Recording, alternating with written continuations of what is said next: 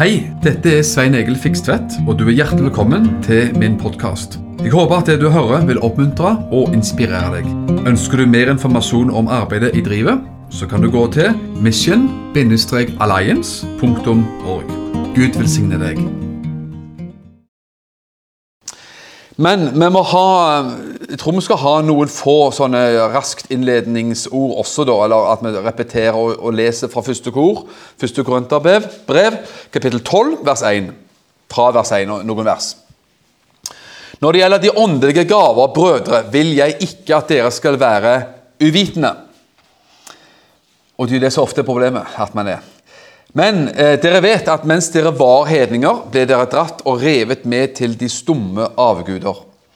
Derfor kunngjør jeg dere at ingen som taler i Guds ånd, sier 'forbannet er Jesus', og ingen kan si 'Jesus er Herre' uten i Den hellige ånd.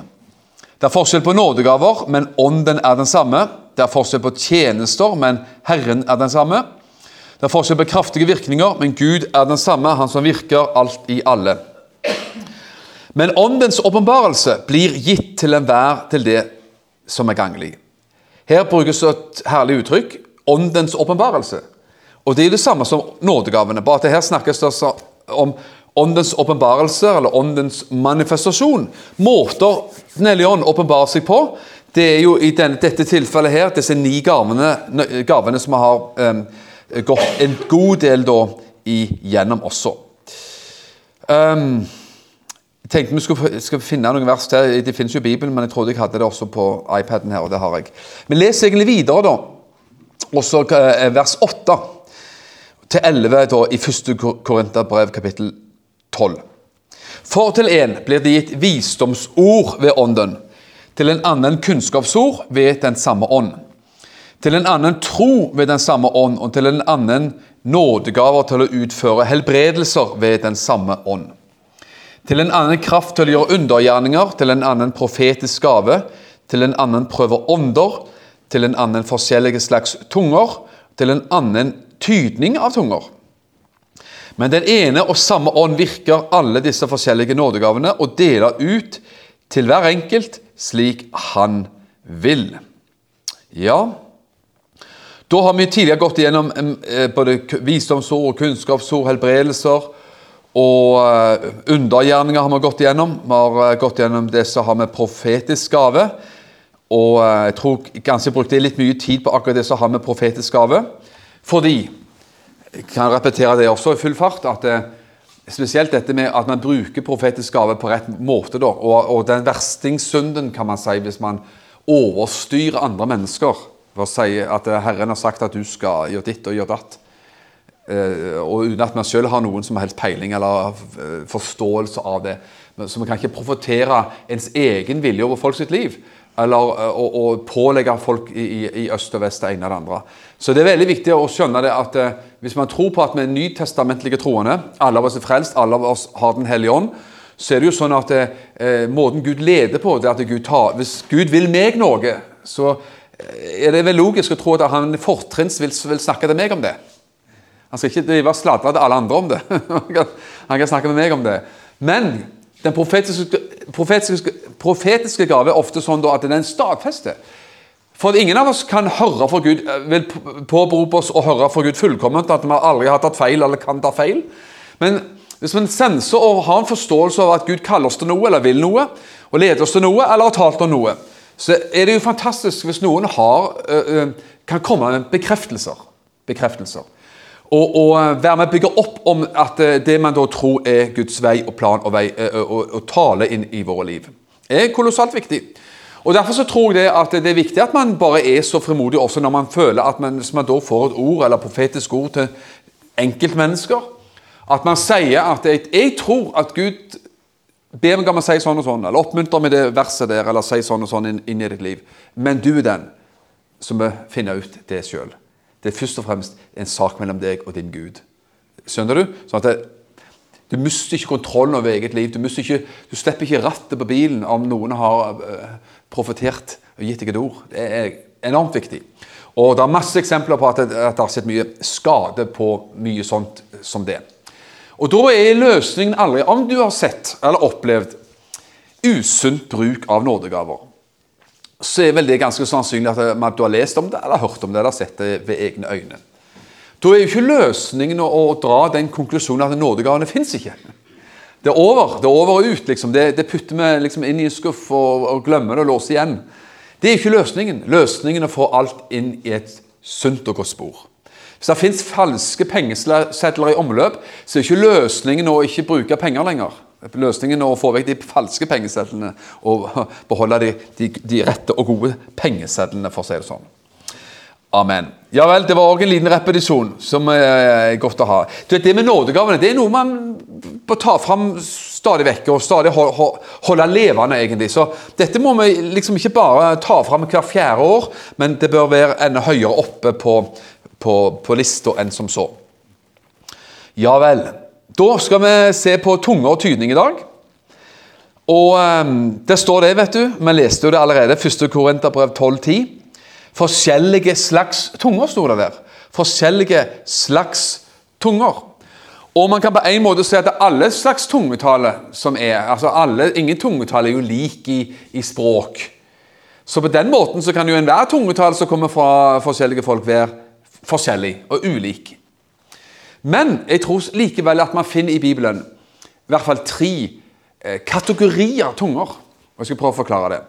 Hva, hva er meningen med det? Jo, for det første, tunger som åpenbart man finner i Bibelen. Tungetale som er på et jordisk språk. Det er interessant. Og det var jo det som skjedde på pinsedag. Eh, det var jo akkurat det du var innom eh, Jens Trygve, når du leste. At de fikk jo eh, de 120 på øvre salen på første pinsedag. pinsedag de ble, Den hellige ånd kom ned over de som ildsluer, tunger av ild. Satte seg på de. Og så begynte de å tale i andre tungemål som de ikke kunne tale sjøl, altså naturlig. De her var jo folk som snakket hebraisk. altså Jesu tolv disipler og en hel del andre også. da, De talte jo eh, hebraisk etter alt å dømme, og eh, så talte de altså da andre språk.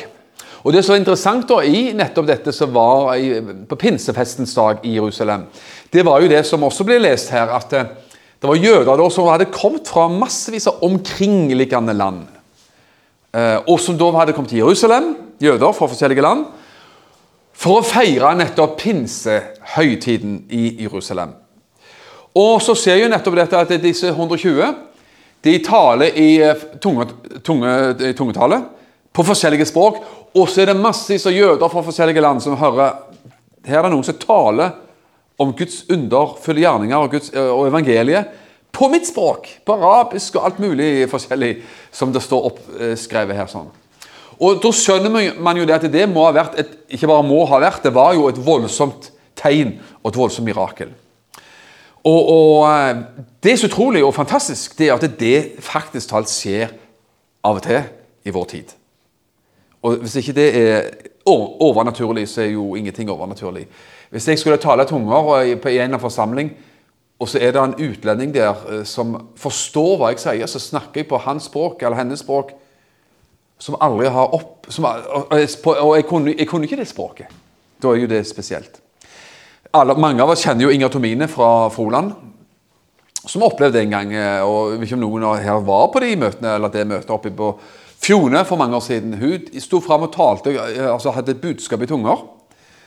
Og uh, først, først liksom en bolk, tror jeg. Eller ja, jeg skal ta forbehold om detaljene, så jeg ikke sier noe feil heller. Men hun delte fram, og jeg har snakket med henne om det for ikke så lenge siden heller. For jeg spurte om hun kunne si det, og det kunne jeg. Og, og hun, hun, delte budskapet i tunger, og det var ikke tydning. Og da kan man jo føle at det blir veldig beklemt og veldig en, en, en, en svett opplevelse, kanskje.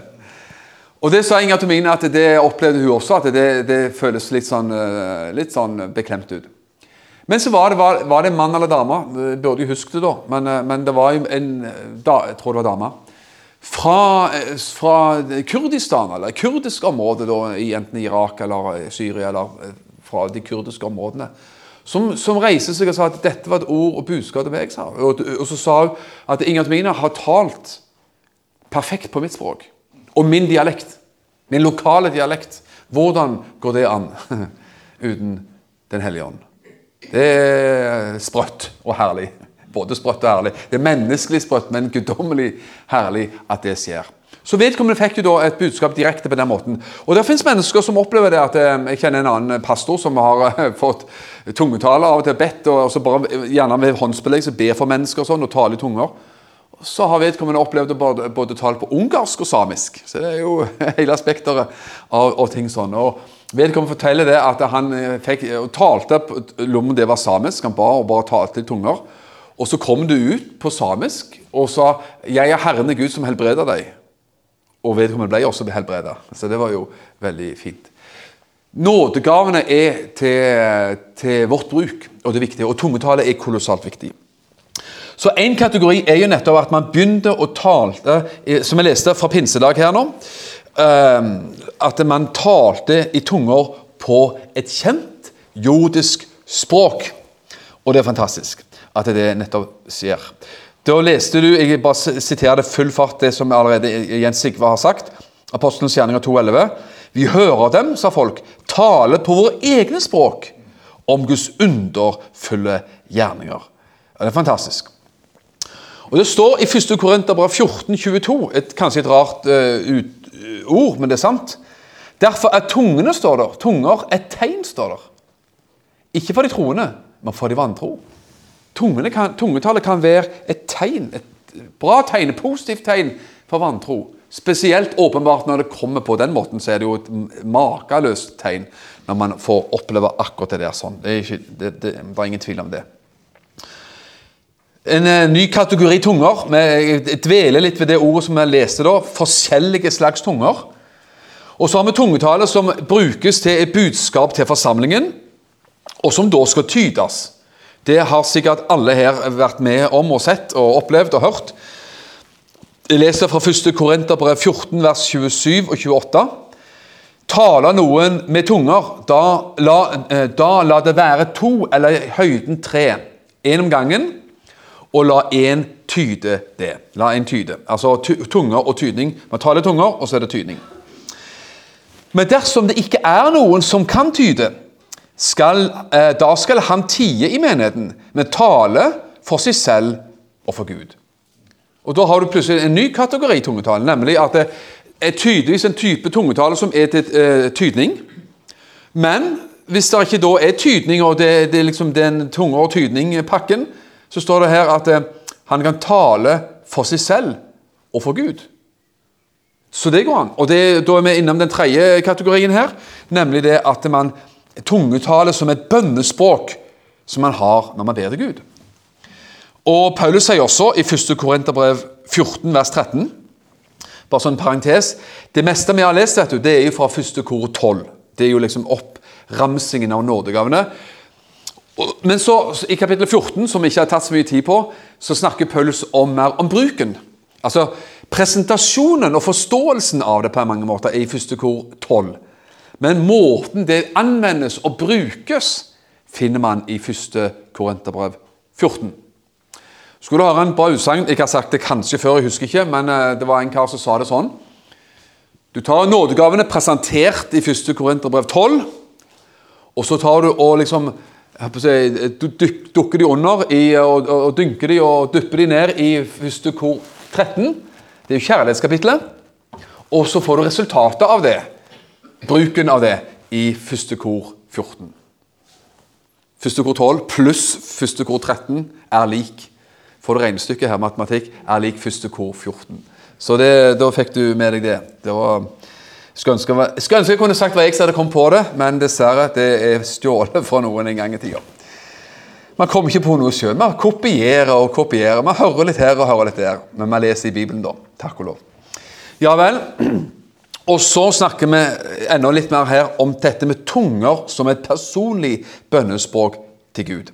Jeg tror, venner, hvis man leser og forstår Bibelen ja, ut fra min vurdering, får man si da, så tror jeg jo at alle kristne faktisk kan oppleve å få det bønnespråket. Alle vil ikke oppleve nådegaven som et, eh, som et, eh, som en, tungere tydning, altså en, en budskap til forsamlingen, men tunger som bønnespråk, personlig bønnespråk, tror jeg virkelig at Gud har faktisk hver eneste en av oss ved åndens fylde og åndens dåp. Jeg eh, ikke i tvil om personlig. Hvis man da f.eks. også leser Apostelens gjerninger, 13, Apostelens gjerninger ikke eh, hele, hele, hele Apostelens gjerninger, så finner man det at eh, når, når, Paulus ba for mennesker, og folk ble fylt med Den hellige ånd, eller døpt i Den hellige ånd, så kom også da tungetale, og ofte også profetiske ord. Eh, at man begynte å profetere. Det har vi også sagt tidligere, at, eh, for det finner man i Apostelens gjerninger, at det er også nyfrelste profeterte. Nå hopper vi plutselig en parentes inn til profetering. Så det å ha profetisk gave ikke det samme. Det er noe du liksom oppnår etter lang og tro tjeneste.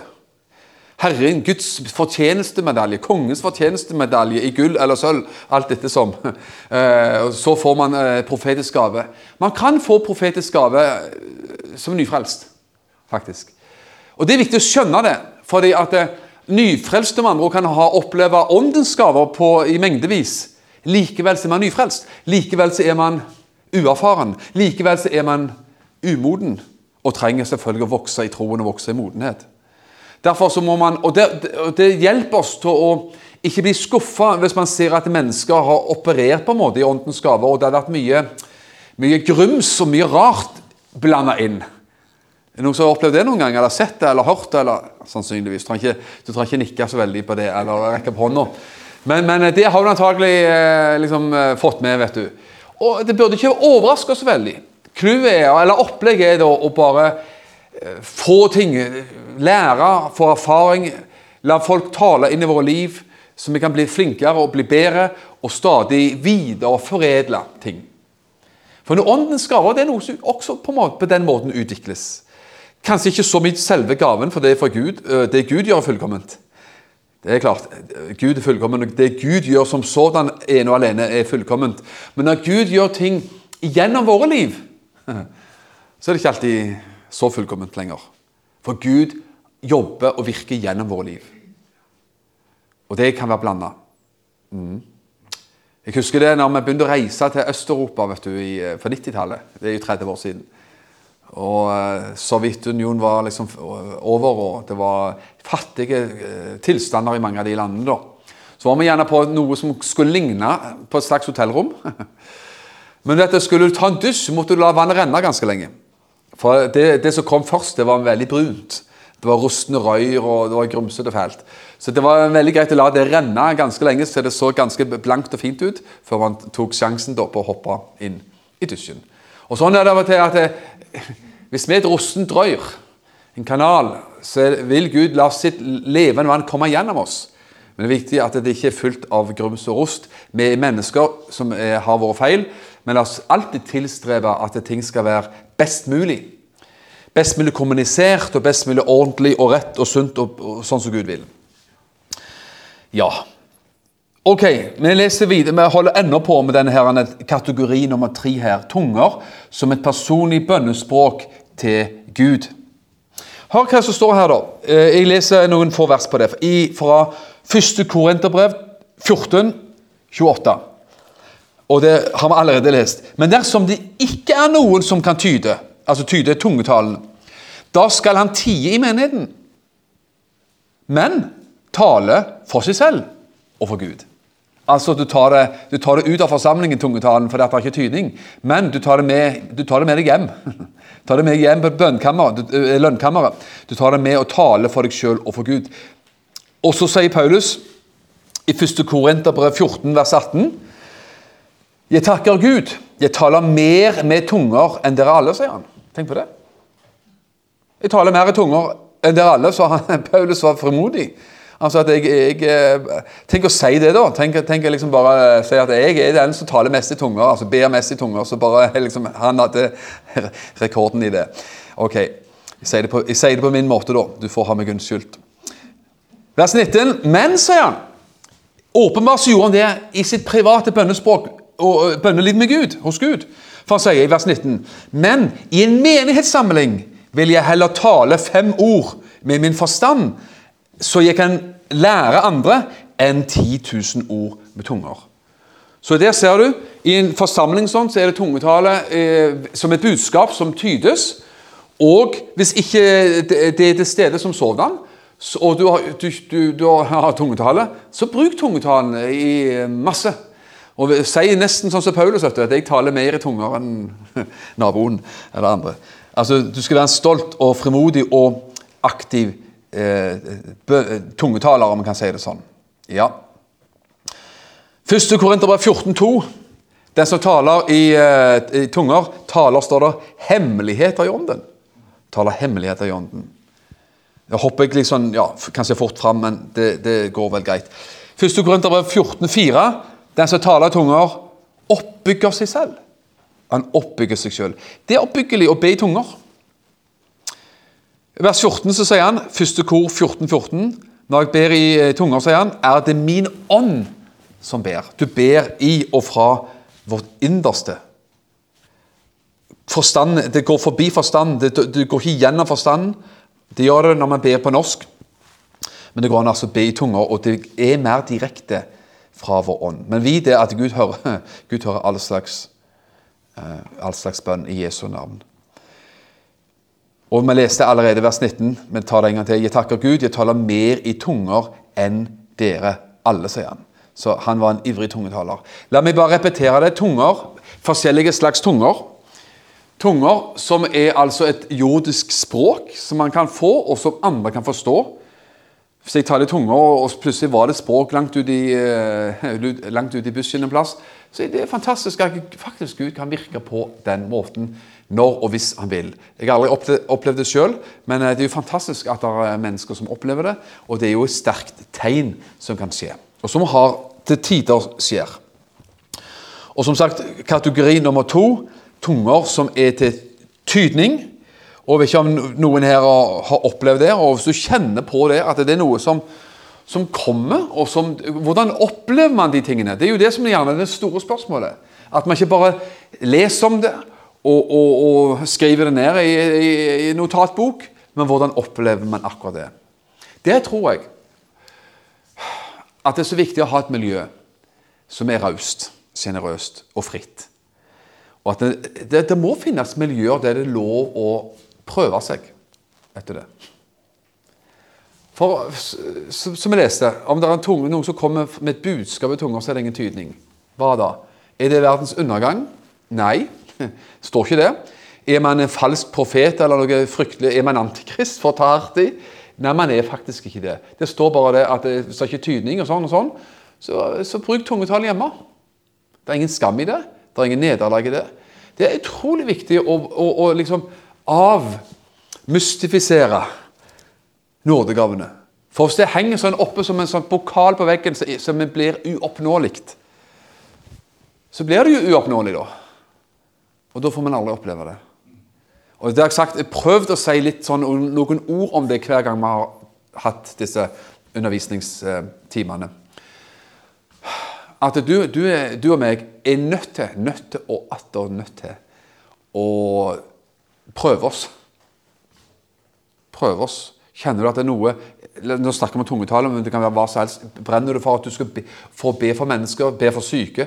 Brenner du, Kjenner du at det er, det er et eller annet lite budskap om så var, som, som, presser på at du, det er maktpåliggende å få sagt det. Det var liksom maktpåliggende å få delt et ord. Det var, det, det, av en eller annen grunn så var det liksom viktig for deg å ta kontakt med noen for å be for dem, eller for å snakke med dem, oppmuntre dem med et ord osv. Alt begynner i den, i den enkle, om du vil, hverdagsformen. da. Prise Gud. Og vet Du hva? Du kan være en hverdagsprofet, om man kan kalle det det. i, i enkelte uttrykk. Hverdags helbredelsevangelist. Du kan det. Og det er fint. Jeg vet at Folk her skal ikke nevne navn, som jeg vet at jeg har vært eh, ivrige på og vært enkle og, og fremodige på å be for mennesker rundt omkring. Og har, kan vitne om mange sånne ting. At man har salva mennesker med olje. Og, og, og, hørt fine fine tilbakemeldinger gjennom årenes løp på at mennesker har blitt helbreda. Og så ser man det. At det var bare ens egen enkle troshandling som gjorde saken. Så jeg har lyst til bare eh, eh, altså, om, om, du ikke Hør en ting. Det, dette er viktig å si. For det, Om ikke du husker alle ni nådegavene og klarer liksom, Du trenger ikke huske det på den måten her. Jeg har lyst til å koke det liksom ned til, til, noe så enkelt at det følger ditt hjerte. Jo, det er viktig å ha undervisning. Det har vi allerede snakket om. Skal ikke drive mot seg meg sjøl så mye heller. Men vet du hva? Om du ikke husker Om du ikke liksom, Var det et kunnskapsord, var det et visdomsord, og hva, hva, var det? Altså Virk for Gud. Del et ord. Be for mennesker. Vær leder av Gud. Kjenn at når får du en påminnelse om å gjøre noe for noen, og så, videre, sånn, så sett i gang. For det er av og til gjør man ting så komplisert at man går glipp av Gud. For man tenker 'tenk hvis det ikke var Gud', tenker man. Tenk hvis det ikke var Gud. Ja, det er typisk norsk å være negativ og, og si at 'tenk hvis det ikke var Gud'. Tenk hvis det var Gud, da. Er ikke det bedre å tenke sånn? Tenk hvis det var Gud. Tenk hvis din, den påminnelsen du følte på Tenk hvis det var Gud, og noen skulle høre akkurat, akkurat det du var, hadde på hjertet å si. Eller som trengte din forbønn, trengte din eh, SMS eller telefonoppringing, eller hva det enn var av stort eller smått. Det kan gjøre underverk av folk sitt liv. Jeg er sikker på at folk kanskje også kan kunne vitne om det her. At, eh, fordi at noen var lydige i enkel tro og tillit til Gud, var lydige i å gjerne henvende seg til noen her med et ord, med en oppmuntring, med en håndspåleggelse, med salving med olje, eller hva man enn gjorde, så er det sikkert mange her som kan si at det, fordi at noen gjorde det en gang, så det betydd det kolossalt mye inn i mitt liv. Faktisk. Og Derfor skal vi både være mottakere fra Gud um, på dette gjennom andre mennesker, men vi må også være mennesker som gir videre. Hm, vi gir videre. Ok, Så hvordan opplever man det? da? Jo, jeg tror ikke jeg kan si det på annet vis enn at hvis du kjenner at du har i dette tilfellet her nå, kommer til tungetall igjen, du kjenner at du har eh, et budskap i tunger. Du kjenner at det, det, presser på at jeg, du, du, du, får et slags tilskyndelse eller behov for å levere et budskap i tunger. Så så må man gjøre det. Så må du ikke liksom tenke Tenk hvis det er ingen som tyder. Det er jo katastrofe, det er pinlig og alt mulig. Men prøv å glemme det. Eller være lydig. Og så er man alltid rause med hverandre. Og Det må være sånn, skjønner du. Også, Jeg sier det ofte, jeg. Hvis jeg eh, får kunnskapsord eller profetsk ord, så sier jeg at eh, jeg tror at jeg har fått et ord, sier jeg. Sånn og sånn og sånn. og sånn. Så bare deler man det på enkelt vis. Så kan man jo bare si kanskje jeg tar feil. Altså, tok jeg feil, da. Men det er viktig. og vet du, når jeg var ny i dette for en del år siden, så kjente jeg og ba mye Nå snakker vi om mange ting vi har snakket om før her. Begjær åndens gave. Begjær, søk åndens gaver. ikke sant? Står igjen og igjen. Begjær, søk med iver. Nettopp det. Søk med iver. Og husk, jeg ba mye. Herre, bruk meg. Gi meg, gi meg dine påminnelser det er et fint ord, det. Syns at kunnskapsord og visdomsord sånn blir liksom eh, litt for eh, skremmende åndelige ord. Så følg de påminnelsene, tilskyndelsen du får i hverdagen. Og, og følg de. Og så, så bak mye over det sånn. Og så ikke ofte i møtesammenheng så kjenner jeg fikk ord, og så var jeg litt for beskjeden, litt for treg, litt for bakpå så kommer det plutselig folk som sier at jeg, jeg, jeg, hadde, jeg, trenger forbund for denne, den plagen med den sykdommen. Så tenkte jeg at ja, det var akkurat det jeg fikk for en ti minutter siden. Din, så jeg fikk lyst til å slå meg sjøl, altså. Klype meg sjøl. Og tenkte at det, er en, det, er en, tulling, altså. Begynn å bli lydig, begynn å tro på det, og begynn å tale ut det du får. Ikke vær så, så treg, din treging. Og Jeg måtte arrestere meg sjøl og dra meg i håret. Nå har jeg ikke hår, så jeg kan ikke dra meg lenger. Jeg tar det av dere hver en gang i uka. Men jeg har lyst til å oppmuntre oss til bare å være sånn som det. Tunger og tydning. ok, Nå snakker vi igjen, igjen inn på dette med tunger. ok, Man leverer et, budskap i tunger. Og hva da? Jo, så er det noen som forhåpentligvis får tydning. Og Hvis man ikke får tydning, så er det ikke verdens undergang og en katastrofe av noe slag. Ferdig snakka. Men vet du hva, hvordan får man da Hvordan opereres alle disse gavene i stor grad? Jo, det går på tilskyndelse. Det går på påminnelse. Det går på at du føler jeg fikk noe. Hvis noen har budskap i tunger, og så føler du kanskje du fikk bare én setning Plutselig så kommer det til den setningen, den, den vissheten, den tilskyndelsen, den påminnelsen Når den tungetalen kom. Hva gjør du da? Ja, Da leverer du det. Så tenker du sannsynligvis Ja, men tenk så jeg ikke får så lang tydning som tungetalen var. Da har jeg lyst til å si Du må ikke være så snill ikke bli sur på meg. altså. Tenk, Se at jeg er en falsk profet. Men da sier jeg det skal du rett og slett blåse i. Og vet du hva? Om du fikk én setning, så kan den være revolusjonerende ned fra Gud. Men ofte så er det sånn om du får én setning og deler den, så kan det faktisk hende at du fikk to, tre, fire, fem eller ti setninger til. Men om du bare fikk Om din tydning var mye kortere enn tungetalen, så, så ikke heng deg opp i det, vær så snill. Del din tilskyndelse. Hvis kristne, oppriktige kristne som ikke har lyst til å gjøre feil, og det har man ikke lyst til Og vet du hva, Som vanlige nordmenn så har vi ikke lyst til å stikke oss fram, noen av oss. Så vi, vi, vi er ikke der at vi, vi, spretter fram for å prøve å ta plass og, og, og vise oss fram. og sånn. Det er veldig få som er der. Så du er ikke der, og jeg er ikke der. Til og med, til og med jeg er ikke der. Bare når jeg blir bedt om å tale, stort sett. Men vet du hva? Det er da du kjenner på at det, du får den tilskyndelsen, så får du lyst til å dele det som du fikk. Og vær så snill å gjøre det. Tungetale skaper en slags Jeg liker å kalle det det blir som en sånn tennbrikett eller tennpose som du hiver i ovnen for å fyre opp ved på vinteren.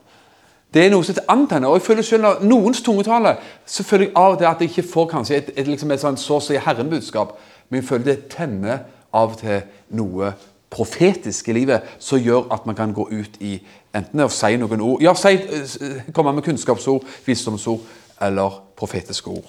Derfor har jeg lyst til å bare ja, nå, nå, nå, spinner jeg liksom rundt det samme her, da, det, men det er kolossalt viktig å likevel gjøre det.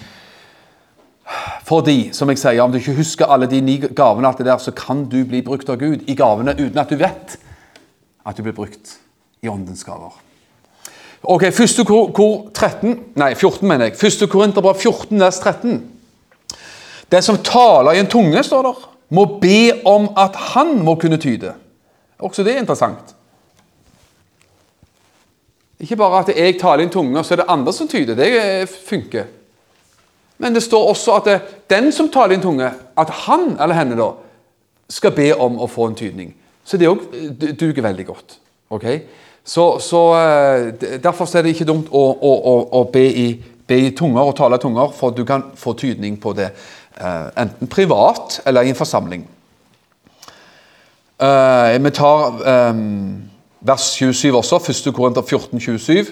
Hvis noen taler i en tunge, må det være to eller i høyden tre, hver etter tur, og én må tyde. Én må tyde. Amen. Du, Vi skal gå videre eh, og vi skal og følge med på, på klokka også. da. Kan vi ta ganske raskt, faktisk Efesene 4, vers 11. Så skal vi si noen få ord. Veldig kort, egentlig om disse såkalt, det som man kaller da, ofte for tjenestegavene. Selv om ordet tjenestegaver ikke finnes som et uttrykk i Bibelen, men som man, man bruker allikevel som et slags arbeidsuttrykk, for å kalle det det. Fesene 4,11. Han ga noen til å være apostler, noen til profeter, noen til evangelister, noen til hurder og lærere. Det kalles ofte eh, fortjenestegaver, embeter, eventuelt andre ting. La meg veldig kort forklare hva det er for noe.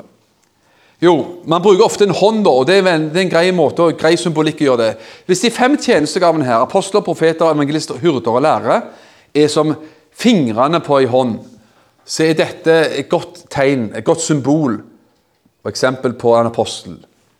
Tommelen. Den er, den er tjukkest og kraftigst. Den, er, den griper rundt. Den er, den er kraftig. En aposteltjeneste i Guds rikes arbeid er Herrens entreprenør. Herrens veirydder og Herrens gründer, for å si det sånn. Det er mennesker som f.eks. sendes ut som misjonærer til fremmede strøk eh, for å plante eller for å fremme Guds rike på nye steder. Altså, man, man rydder ny mark, åndelig talt, for evangeliet. Ikke, ikke ute i skogen, skauen. Det er noe annet. Men man rydder ny, ny mark for evangeliet. Sånn som Paulus gjorde, dro fra sted til sted, forkynte evangeliet og planta menigheter. Altså en Herrens veirydder og gründer som drar ut først i krigen og rydder vei. Og, og tar eh, grovarbeidet og det tøffe arbeidet, pionerarbeidet. Det er kort og greit en apostel. og Det kan sammenlignes med denne tjukkeste fingeren på, som vi har på hendene våre. Nummer to, denne her eh, pekefingeren, hva er det, tror du? Det er profet. Apostler. Profet. Pekefingeren, vet du. Når du peker på noe, så bruker du ikke liksom, peker ikke med langfingeren, langfingeren, du peker med pekefingeren.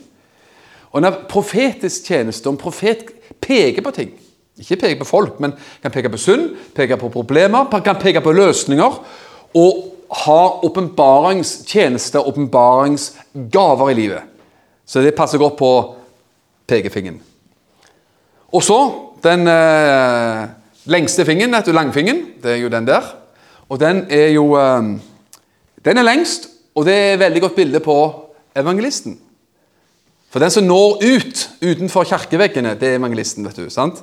Han når ut til folket. Evangelist er en som preker evangeliet. Kommer fra ordet, evangelist kommer fra ordet evangeliet. Han er en som forkynner evangeliet. Typiske evangelister som vi kjenner veldig veldig godt, det er jo selvfølgelig Billy Graham, Arild Edvardsen, Ludvig Carlsen og uh, mange mange andre som er typiske sånne som når nye mennesker med evangeliet denne fingeren som når lengst. Og det Ringfingeren, hva er nå det? Det er hurden, vet du. Hurde som er pastor. Og uh, mange av oss har uh, ring på fingeren. Det er vel tegn på at vi er gift. Ikke bare er vel tegn, det er tegn på at vi er gift. La oss holde oss til ordentlige fakta her, ikke så tvil. Men vet du hva? Ja, og det, det er veldig bra, vet du. For det, eh, i dette tilfellet, da Du ser at jeg er gift. Har ringen på høyre hånd. Og eh, Det er et godt tegn på, et godt bilde på hurden, en pastor i menighet. Evangelisten reiser fra plass til plass ofte. Hurden er der. Det er pastoren. Han er hurden, han er hurden for sauene. Det er jo det som er bildet. En hyrde som passer på en flokk med sauer.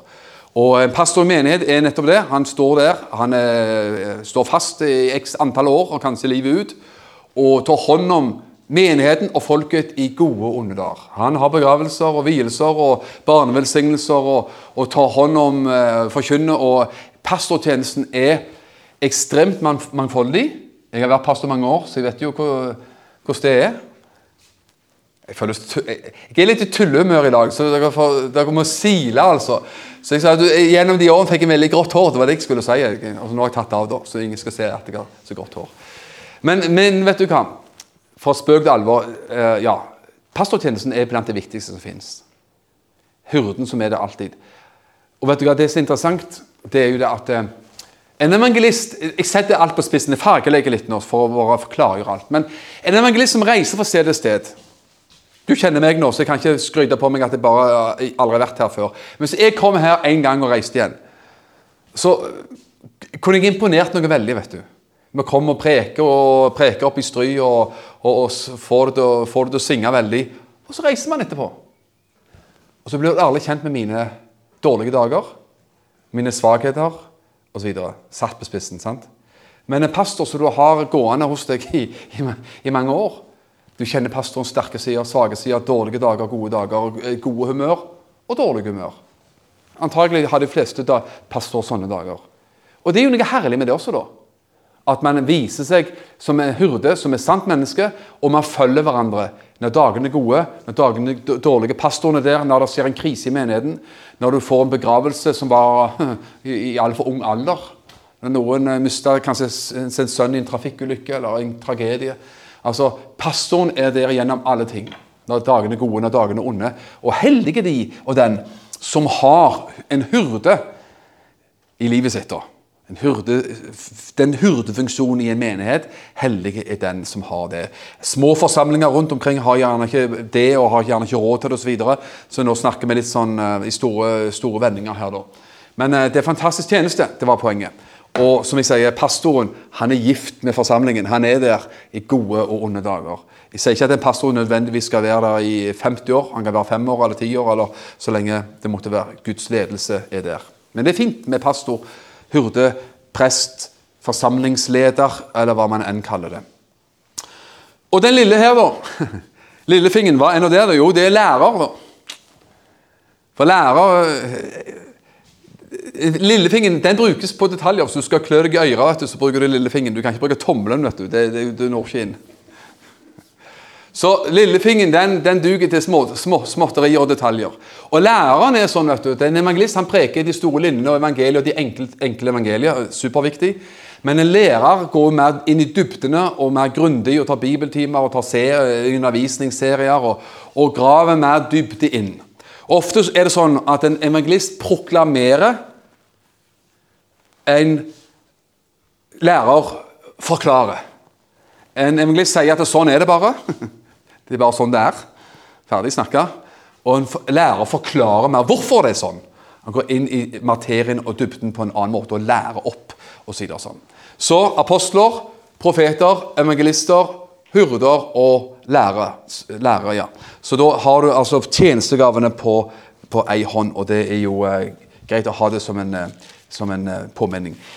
Og vi trenger alle ting. Og jeg har lyst til å slå det fast også at når vi leste om apostelprofeter, evangelister, hyrder og lærere, så må det være lov å si at hvis det finnes pastorer i dag Det gjør det jo. Hvis det finnes evangelister i dag Det gjør det jo. Så må det jo også finnes profeter i dag. For de står jo ramsa opp i samme vers. Så hvis man, noen liker å ta vekk apostel og profeter, og man sier at det var før i tid, og det var i Bibelen sin tid, så de har vi tatt vekk. De fins ikke lenger. Ja, men Hvordan kan man si at apostler og profeter ikke fins lenger, men men, men eh, evangelister finnes, pastorer finnes, og lærere finnes. Det går ikke an. Enten finnes alle, eller så finnes ingen. De tolv apostlene i Bibelen som fulgte Jesus, de var apostler. Men Paulus var jo også en apostel. Han var jo ikke blant de tolv. Han kom med etterpå. Han ble frelst etter pinsedag og ja, etterpå. Og så finner vi også da at det finnes også andre folk senere i Bibelen i Apostelens gjerninger som kalles for apostler. Og profeter. Så, så profet er ikke sånn at det bare Jesajas og Esekiel var profeter. Nei, det finnes altså nytestamentlige apostler og profeter. Det var poenget her. Ja, vi skal ta få minutter til, så har vi faktisk eh, tror klart å holde eh, også kontroll på, på klokka her sånn. Skal vi se, her, Anne. Ja. Vi går også og finner noen få ord og en liten liste over nådegaver og tjenester i Romabrevet 12. Så vi, vi, har ikke vært innom det nå disse gangene. Vi har jo holdt oss til 1. Korinterbrev 12. Men det står også her at uh, vi leser fra vers 6. Uh, eh, nei, vi leser, vi leser, fra vers 4, kan vi ta. Romene 12, 4. For slik vi har mange lemmer på én kropp, uten at alle lemmene har samme funksjon. Det er så herlig bilde og enkelt å forstå. Alle har en kropp, og alle har ulike lemmer. Det er forskjellig funksjon. Men de henger nå sammen. Alle mine lemmer henger sammen på samme kropp, og det gjør dine lemmer. Og på den måten så danner de jo også en enhet. Enhet og forskjellighet på samme tid. Hvis vi kunne lære oss det og skjønne det, venner, så vil mye være løst. For dette, det burde ta vekk frustrasjon. Når vi blir frustrert over hverandre og tenker at hvorfor den sånn og hvorfor den sånn. Jeg skal prøve å forklare hvorfor den ene er sånn og den andre er sånn. Og så tenker man Hvis man har hår igjen, så river man seg i håret og tenker hvorfor er ikke alle lik meg? Det hadde vært så mye fantastisk. Tenk hvis alle var lik meg. Det var herlig, konfliktfritt, men utrolig kjedelig. Men vi er kalt. Det er bare én Svein Egil, og det holder. Det er akkurat passe nok. Og det er én av alle andre av oss også. Vers 5. Slik er vi, selv om vi er mange, én kropp i Kristus. Alle oss som er her, er én kropp i Kristus. Og hver enkelt er vi hverandres lemmer. Sånn er kroppen vår, med fingre og tær og kneskål, øyne og ører og alt sammen. Og så sier han da, vers 6 Vi har da gaver som er ulike ifølge den nåde som er gitt oss. Vi har ulike gaver i henhold til den nåde som er gitt oss. På noen områder er Guds nåde lik for oss. Selvfølgelig. Frel, det er Guds frelsende nåde står om det i Titus brev. Guds frelsende nåde er lik for alle av oss. Er du enig i det? Alle er frelst? Alle er like mye frelst? Er det sånn at en pastor er litt mer frelst enn en ikke-pastor? Selvsagt ikke. Alle, Er du frelst, så er du frelst. Er du ikke frelst, så er du ikke frelst. Så Guds frelsende nåde, tilgivelse og alt det Jesus har kjøpt og gjort for oss på korset, er lik for alle av oss. Ingen forskjell. Men så har Gud også nåde i henhold til hva han kaller oss til å gjøre. Så jeg har nåde til å gjøre det jeg skal gjøre. Du har nåde fra Gud til å være den du skal være, og gjøre det du skal gjøre. Får man en kall til særskilt krevende ting, flytte til et annet land, lære ny kultur, bli misjonær i et muslimsk land Tro meg, da trenger man stor nåde. Det sier seg sjøl. Da trenger veldig stor nåde og mye forbønn. Så her har vi forskjellig nåde, også i henhold til de gaver og de tjenester Gud har for oss. Og Da sier han videre her at hvis det er profeti, bruk den i overensstemmelse med troen. Bruk den i tråd med din tro. Eller om det er en tjeneste, og der kommer ordet diakoni inn, altså diakonos, eller hva det er ja, på gresk. Og, og, det er kanskje visse oversettelser som kanskje også bruker diakon. Det skal være litt usagt. Men det handler om tjeneste, en praktisk retta tjeneste. Kjære venn, hvis du ikke føler at du noen gang skal være misjonær til Kina, eller preke eh, rundt omkring og forkynne, og du har såkalt ikke en åndelig tjeneste Jeg sier såkalt, for alt er åndelig i Guds rike. Amen. Så, om du har en praktisk tjeneste, hva den er, så har jeg lyst til å bare slå et skikkelig slag for det og si at det, din tjeneste er superviktig og dyrebar for Gud. Og dyrebar for mennesker. Halleluja. Det er viktig å si, altså. Du har fått en tjeneste. Du, du, du føler at du ikke fikk sånn superspektakulært åndelig kall, og engelen Gabriel kom og besøkte deg på soverommet og sa at du skal bli et eller annet. Nei, de færreste har opplevd akkurat det. Men når du gjør det som ligger deg for hånden, det som er naturlig, kjekt og godt, og trivelig for deg å gjøre i Guds rikes arbeid, så er det ikke verre og mer krevende eller åndelig enn det. At man bare følger sitt hjertets lyst og hva som er naturlig å gjøre. Det du har gleden av å gjøre og bidra med i Guds rikes arbeid. Tjeneste, står det her. Om det er en tjeneste, bruk den i tjenesten. Den som lærer, det er akkurat det jeg holder på med nå, må ta vare på lærdommen, ta vare på den tjenesten. Så står det interessant Den som trøster, står der. ja. Ordet trøster, og noen oversettelser sier formaner. Så faktisk, rart som det kanskje er, det samme ordet på gresk som brukes av det om å formane, det høres jo litt mer sånn eh, tøft ut. Trøste høres litt mer mildt og fint ut. Begge deler trengs jo. Men den som trøster eller formaner, eller oppmuntrer Faktisk. Begge deler. Oppmuntringer, formane, trøste. Eh, det er dyrebart. Og Det skal ikke mer til enn at du er bare den type person som taler trøst og oppmuntring inn i folk sitt liv. Alle av oss bør gjøre det. Men hvis du ikke tenker deg om, så er det jo noen som er mer sånn enn andre. Det er noen som bare er sånn altså, som, som kommer, Hver gang du stopper å snakke med noen, så har de alltid lagt igjen et trøstens ord, et oppmuntringens ord. Og du føler deg alltid litt mer styrka og sett og, og beæra, om du vil, enn, enn det når du gikk fra vedkommende, enn, enn når du kom. ikke sant? Noen har bare det der sånn kroniske oppmuntrere i Guds rike, og det er viktig. Superviktig. Det var en pastor som sa en gang, og det er en veldig bra sagt, han sa taushet er det verste som finnes. Vær så snill, si noe. Enten det er godt eller dårlig, sier jeg. si i hvert fall noe, så, vi vet hvor vi har deg. Men ok, taushet. Ikke vær taus. Spesielt når du har noe bra å si, naturligvis. Si det. Si det. Gi folk verdi. Gi folk en, en, et løft i livet.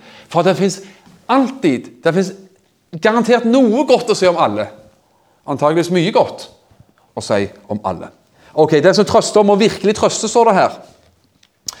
Og så står det 'den som gir'. Den som gir, ja vel. Um, skal ikke alle gi? Jo, alle skal gi, og alle gir. Det tror vi jo virkelig på på forskjellig vis. Men så er det noen som har i enda større grad denne her givernaturen, faktisk. Det er bare sånn. Som ikke kan gå forbi noen som har et behov, med mindre de, de må gi, og de må bla opp, og de må de liksom vri lommeboka så godt de kan eh, stadig vekk. Det er ofte folk som ikke, ikke Man skulle gjerne tro naturligvis at de som har best råd, høyest lønn som er den typen folk. Det er det ikke alltid. Det var mennesker som har lite å rutte med, faktisk. Som har, og Det har jeg sett mye av. Som har denne givernaturen. Jeg husker en evangelist som jeg har reist mye med før. Bor i et annet land, bor i Danmark. Han sa det. Han, øh, og Vi reiste mye sammen for en del år siden. En fantastisk bra kar. Han sa det. Den som gir mest i min tjeneste, sa han den gangen, jeg var ei enslig mor, sa han, som ga fast ikke sikkert en gedigen sum, men som var den mest trofaste og mest sjenerøse giveren i henhold også til, til hennes liksom, sivile stand eller, eller økonomi. da, eh, og sånt. Så det å ha en givertjeneste og givernatur er viktig. Ok, Den som gir, må gi med gavmildhet. Amen. Den som har lederansvar, må lede med iver. Den som har lederansvar. Noen har det mer enn andre. Hvorfor ikke da la de som har lederansvar-gaven, ledergaven, få lov til å være ledere? Og ikke være misunnelige på de. Det trenger i hvert fall ikke være misunnelig, for de som for, de som tar et lederansvar, har mer jobb og mer krevende, til, mer krevende tilstander enn de som ikke har lederansvar. Så aldri misunn noens lederansvar, men har du, kjenner du at det føles rett ut, det er godt ut, det gir deg mening, det gir deg glede, det gir deg energi, Og ta et lederansvar, så er det overveiende sannsynlig at du selvfølgelig har liksom denne her gaven fra Gud, eller eh, denne her, si, legningen fra Gud, om, om det går an å bruke ordet legning, da. Det brukes som så mangt. Ok, Den som har lederansvar, må lede med iver. Og den som viser miskunn, må gjøre det med glede. Den som viser miskunn. Ja, Noen har vet du hva, I en menighet på når vi er 20 stykker her i dag, eller man skulle være 100 Det er alltid noen som har, stikker seg mer ut som tydelig barmhjertighetsmennesker. Som bare er strutte omsorg, og som lever ut en omsorgs- og barmhjertighetsnatur mye mer enn andre. Som ser det andre ikke ser, ser folk, eh, ser folk som andre ikke ser, og som er, arbeider mye mye mer i det skjulte også med å følge opp mennesker, ivareta mennesker og, og se hen til mennesker. Og som reagerer fort hvis en person har vært vekke to ganger fra menigheten. To uker på rad, to søndager på rad. Så er det alltid sånne typer som bang er der med en gang. Ringer, avlegger et besøk og, våker ved mennesker. Er det ikke fantastisk? Med sånne som har et våkent øye og til, kjenner på det at man har tilsyn på den måten og har en barmhjertighetsgave i livet sitt. Og vet du hva? Vi trenger alt dette. Og må ikke bli frustrert over at man er forskjellige. For noen er mer formanende kanskje, og andre mer, mye mer myk og barmhjertig. Noen har lederansvar, noen har sånn, sånn, sånn, sånn. sånn. Men vet du hva? man trenger alt sammen, for vi er et legeme. Og lemmene på et legeme er forskjellige. De har forskjellig funksjon, men de eh, gjør alle sammen sin nyttige og nødvendige funksjon. Det er vi vel enige om. Amen. Takk for at du har lytta til denne podkasten. Jeg ønsker deg en velsigna god dag.